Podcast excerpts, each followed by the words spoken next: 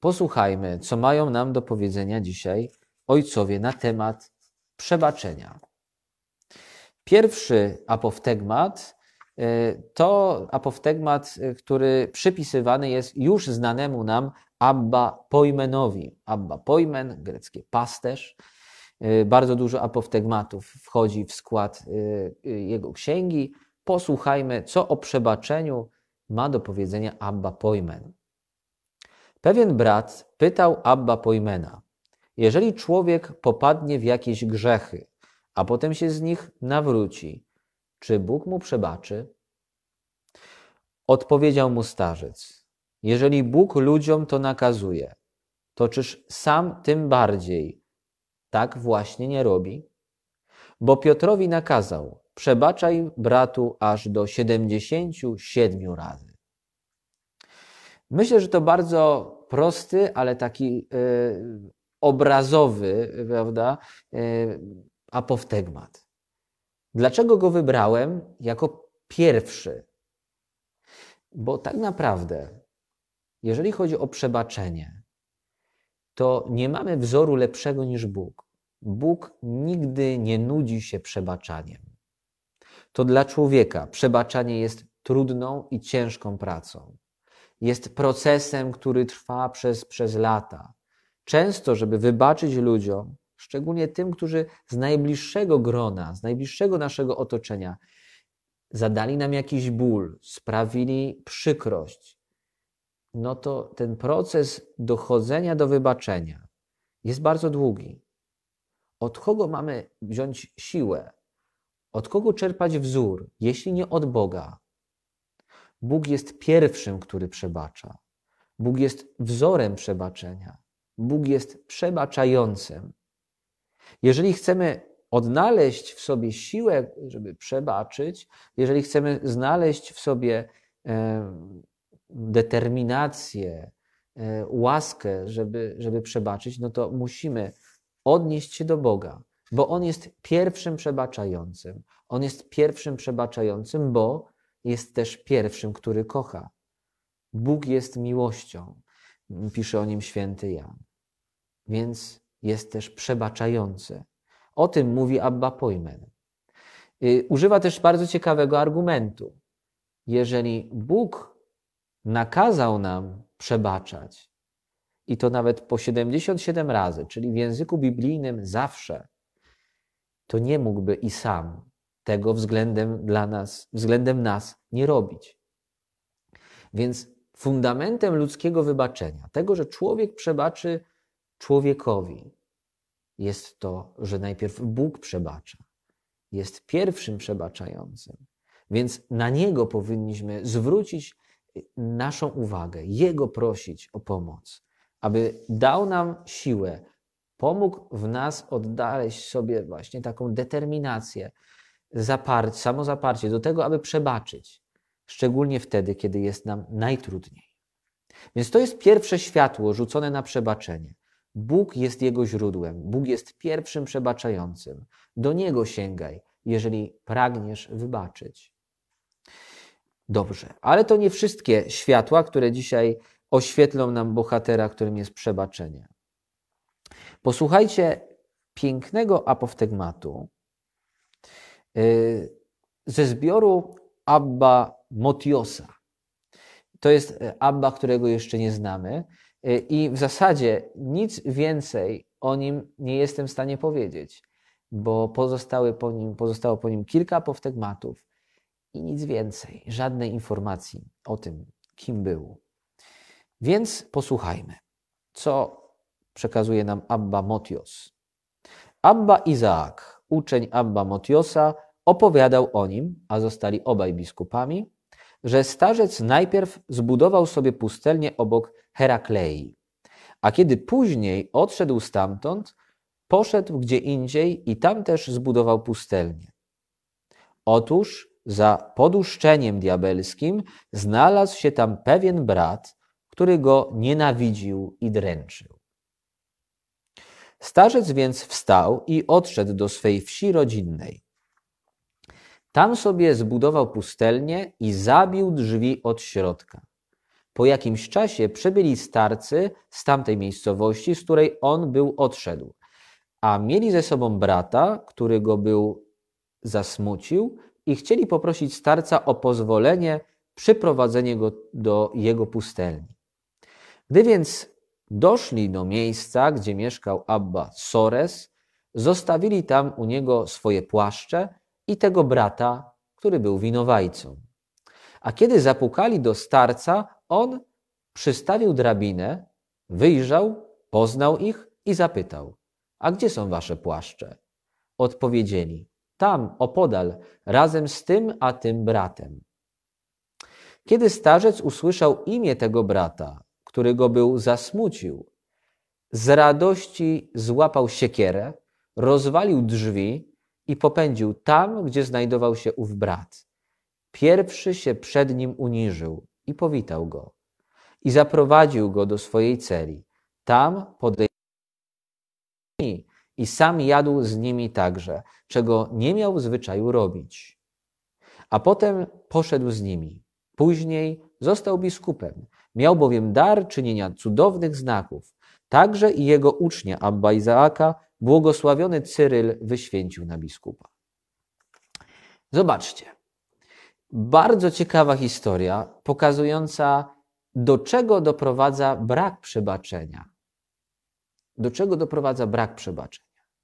Abba Motios zbudował sobie dom, zbudował sobie pustelnię, ale tym miejscu, gdzie sobie ją zbudował, był pewien brat, który go znienawidził. Może był zazdrosny o coś, może wykazywał się y, jakimiś cechami, które no, denerwowały po prostu Motiosa. Czasami tak jest, żyjemy obok siebie i, y, i denerwuje nas ktoś, nie wiadomo dlaczego. Ale tu jest wyraźnie powiedziane, znienawidził go, więc robił mu na złość. Abba Motios zdenerwował się na tyle, że zostawił dzieło swojego życia, zostawił swoją pustelnię i wrócił do swojej wsi rodzinnej. Ba, nie tyle, nie tyle wrócił, co wszedł do domu i zabił deskami wejście. To są bardzo ważne słowa. To są bardzo charakterystyczne zachowania. Abba Motios, który dał się gniewowi, który nie, nie tylko odszedł od miejsca, w którym planował spędzić całe życie, przecież wybudował tam pustelnię, jego rodzinnego domu i zabija drzwi deskami. To jest właśnie to, do czego, w co wpędza nas gniew. To jest właśnie to, do czego doprowadza nas brak przebaczenia, zamknięcie, izolacja. I to ciekawe, nie tylko izolacja od tego, który jest źródłem, yy, źródłem złości, źródłem gniewu, który rzeczywiście mógł sprawić nam ból, ale izolacja od całego świata. Bo zobaczcie, kiedy e, ojcowie przychodzą razem z tym bratem winowajcą do Motiosa, on, żeby ich zobaczyć, musi wejść na drabinę, czyli musi podejść właśnie do okna swojego, nie jest w stanie otworzyć drzwi. Gniew zamyka go w jego pustelni. Czyni z niego rekluza złości. Rekluz to ten, który zamyka się w domu. Tacy rekluzi są na przykład na Bielanach. Nie? E, ale to jest inna rekluzja. To jest rekluzja miłości. Ten mnich zamyka się w swoim domu, dostaje tylko jedzenie, prawda, przez, e, przez e, odpowiedni, odpowiednią dziurę taką w bramce i tyle ma kontaktu z braćmi. Ale on tam się zamyka ze względu na miłość do wszystkich. Tak jak pisze Ewagriusz, mnich jest oddzielony od wszystkich, ale ze wszystkimi złączony. To jest ideał, który właśnie realizują tacy rekluzi zamykający się w domu. A jaki ideał realizował Abba Motios? On po prostu się złościł. On po prostu chciał się odciąć. I nie miał w sobie wybaczenia. I to doprowadziło go do izolacji od całego świata. Czy to nie jest y, rzeczywiście y, tak u nas, nie? że zdarza nam się, zdarza nam się tak w, tym, w tej złości na kogoś zamknąć, nie tylko na niego, ale i na innych ludzi. bo oni też mogą nas skrzywdzić, bo oni też mogą być źródłem naszego bólu. Trudno zaufać, trudno yy, po raz kolejny wejść w takie relacje. I to nie mówię z jakąś taką yy, wyższością, tak, że, że nie wolno, że, że głupoty robią ci ludzie. Nie, czy my robimy, prawda? Bo to też jest coś, co dotyczy mnie, was. Ale yy, finał jest właśnie taki izolacja. Na tym się na szczęście apoftegmat nie kończy, ponieważ do Abba Motiosa przychodzą ci bracia razem z winowajcą. Jego reakcja jest natychmiastowa i bardzo mocna. Bierze siekierę, rozwala drzwi i biegnie do tego brata. Pada przed nim. Zobaczcie, to on pierwszy się ukorzył, bo zobaczył, do czego doprowadził go brak przebaczenia ten brat, który był dla niego źródłem bólu, stał się też nauczycielem. Pokazał mu, że on też popełnił błąd. Zamknął się, nie podjął dialogu, zamknął się na świat. Więc potrzebna była siekiera, rozwalenie drzwi, otwarcie ich na oścież i przyklęknięcie przed bratem, który był źródłem mojego bólu. Potem biesiada przez trzy dni, jak przystało na mnichów, prawda? Więc yy, kolejny obrazek, kolejny apoftegmat. Pierwszy mówił nam o tym, że źródłem przebaczenia jest Bóg. Ten, który jest przebaczający, ten, który jest wzor, wzorem przebaczenia, to właśnie Bóg. Drugi apoftegmat mówi nam, do czego doprowadza nas e, właśnie takie e, zamknięcie na przebaczenie. Ono tak naprawdę zamyka nas na świat ono tak naprawdę zamyka nas na bliźniego. Sprawia, że jesteśmy w swojej klaustrofobicznej celi, zabici deskami od środka. Ale to jeszcze nie wszystko. Spójrzmy na kolejny apoftegmat. Króciutki. Tym razem wracamy do dobrze nam już znanego Abba Agatona, człowieka dobro, bo właśnie tak można tłumaczyć jego imię. Dobroć, Agaton. Stąd Agata, dobra. E, Okej, okay, posłuchajmy. Powiedział także Agaton: Nigdy nie poszedłem spać, mając coś przeciw komuś, ani nie pozwoliłem, o ile mogłem, żeby ktoś poszedł spać, mając coś przeciwko mnie. O czym mówi ten, e, ten apoftegmat? No, z jednej strony podaje nam bardzo praktyczną wskazówkę. Nie kładź się spać, czyli nie kończ dnia bez pogodzenia się z tymi, z którymi zadarłeś, albo którzy zadarli z tobą. Bo może być to Twoja ostatnia noc, bo może być to Twój ostatni sen i obudzisz się przed Panem, mając winę ze sobą albo pozostawiając na, na świecie zagniewaną na ciebie, albo zasmuconą Twoim postępowaniem osobę. Dlatego pogódź się. W naszej tradycji monastycznej jest to codziennie kultywowana tradycja. Kiedy odmawiamy kompletę, na jej zakończenie przekazujemy sobie pocałunek pokoju, przekazujemy sobie znak pokoju. No teraz przez kwarantannę nie ściskamy się, jak to zwykle bywa, nie robimy tradycyjnego misia, E, tylko, e, tylko skłaniamy się w swoją stronę, tak? Ale ten znak pokoju jest utrzymany, bo jest to tak ważne, żeby przed snem każdemu z braci wybaczyć i pozwolić, aby ci, którzy ze mną żyją, mnie wybaczyli. E, więc, więc Abba Agaton mówi bardzo prostą rzecz. My też, kiedy będziemy odmawiać kompletę na zakończenie, możemy wprowadzić sobie właśnie ten znak pokoju wśród, wśród tych, którzy oglądają z nami, ale też, też właśnie wśród bliskich, których mamy przy sobie. Być może jesteście przed ekranem z kimś, z kimś bliskim. Ten codzienny znak pokoju uświadamia nas też, że codziennie potrzebujemy przebaczenia od Boga, od bliźnich, przebaczenia samemu sobie. O tym mówi nam Abba Agaton. To jest kolejne światło, które jest też bardzo praktyczną wskazówką. Nie kładź się spać. Nie kładź się spać, mając komuś coś do, do wybaczenia, albo jeżeli ktoś Tobie coś ma do wybaczenia. Pogódź się z nim. E, będąc w Brugi u naszych Zewenkerken, widziałem tam przepiękną rzeźbę przedstawiającą benedyktynów, to było przy, przy kościele świętych Janów. E, benedyktynów, którzy właśnie przekazują sobie pocałunek pokoju. E, pierwszy raz coś takiego widziałem i do dzisiaj mam to przed oczami. Kiedy odbywa się nasza kompleta, gdzieś właśnie ten obraz staje mi przed oczami. Ok. No i ostatni apoftegmat, bo jak zwykle się rozgaduje. Tym razem znowu wracamy do Abba Pojmena.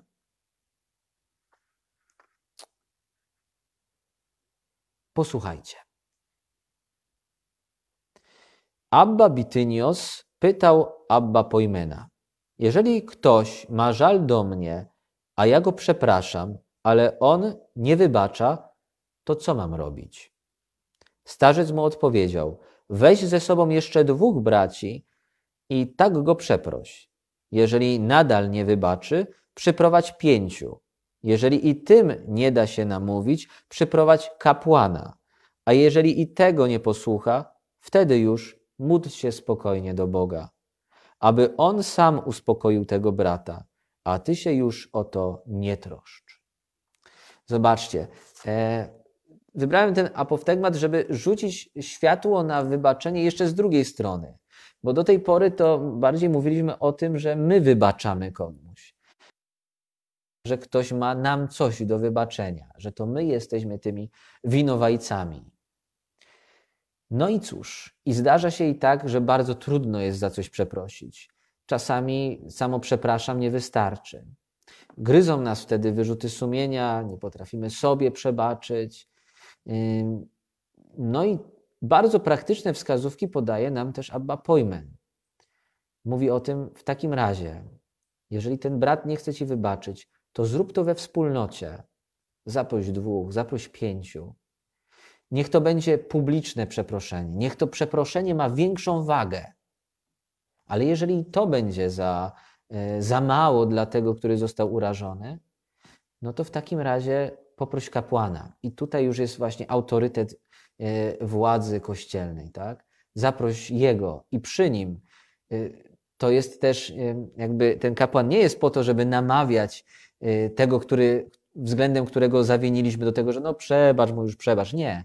Tylko ma podkreślać wagę naszego żalu, że my się korzymy nie tylko przed tą osobą, której zawiniliśmy, ale my się korzymy e, wobec innych.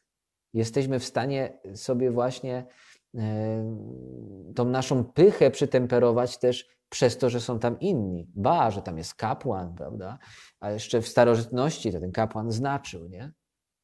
Chodzi o to, żebyś był zdolny, prosząc o wybaczenie, do tego, żeby rzeczywiście czuć żal, żeby ten żal był prawdziwy, a nie tylko udawany, no, żeby już było dobrze. Nie, poczuj to, że zrobiłeś coś złego.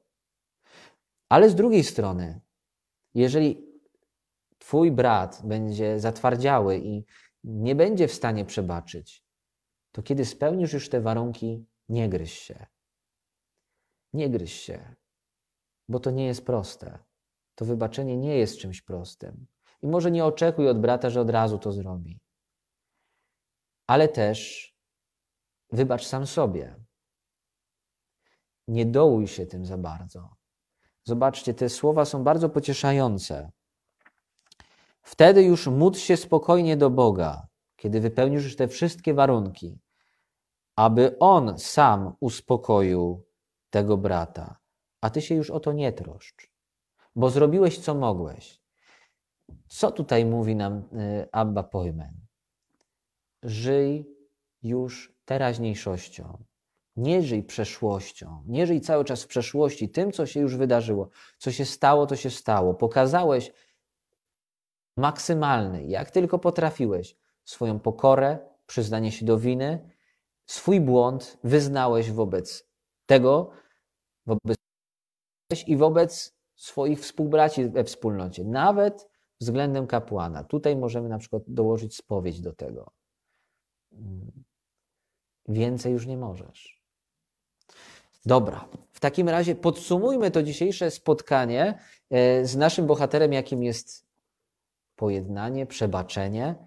Po pierwsze, pierwszy apoftegmat mówił nam o tym, że Bóg jest pierwszym wybaczającym, że On nakazując nam wybaczanie, sam nam wybacza. To jest mądry rodzic, który zanim powie, e, że masz przebaczyć swojemu bratu albo siostrze, to potrafi przebaczyć dziecku. I potrafi o przebaczenie poprosić. No, Bóg nas nie ma za co akurat przepraszać. To mówię teraz o rodzicach e, po prostu naszych. Nie? Więc Bóg jest pierwszym wybaczającym. Od Niego czerp wzór i liczy zawsze na wybaczenie. Nigdy nie trać ufności w miłosierdzie Boże. To jest podstawa. Ok.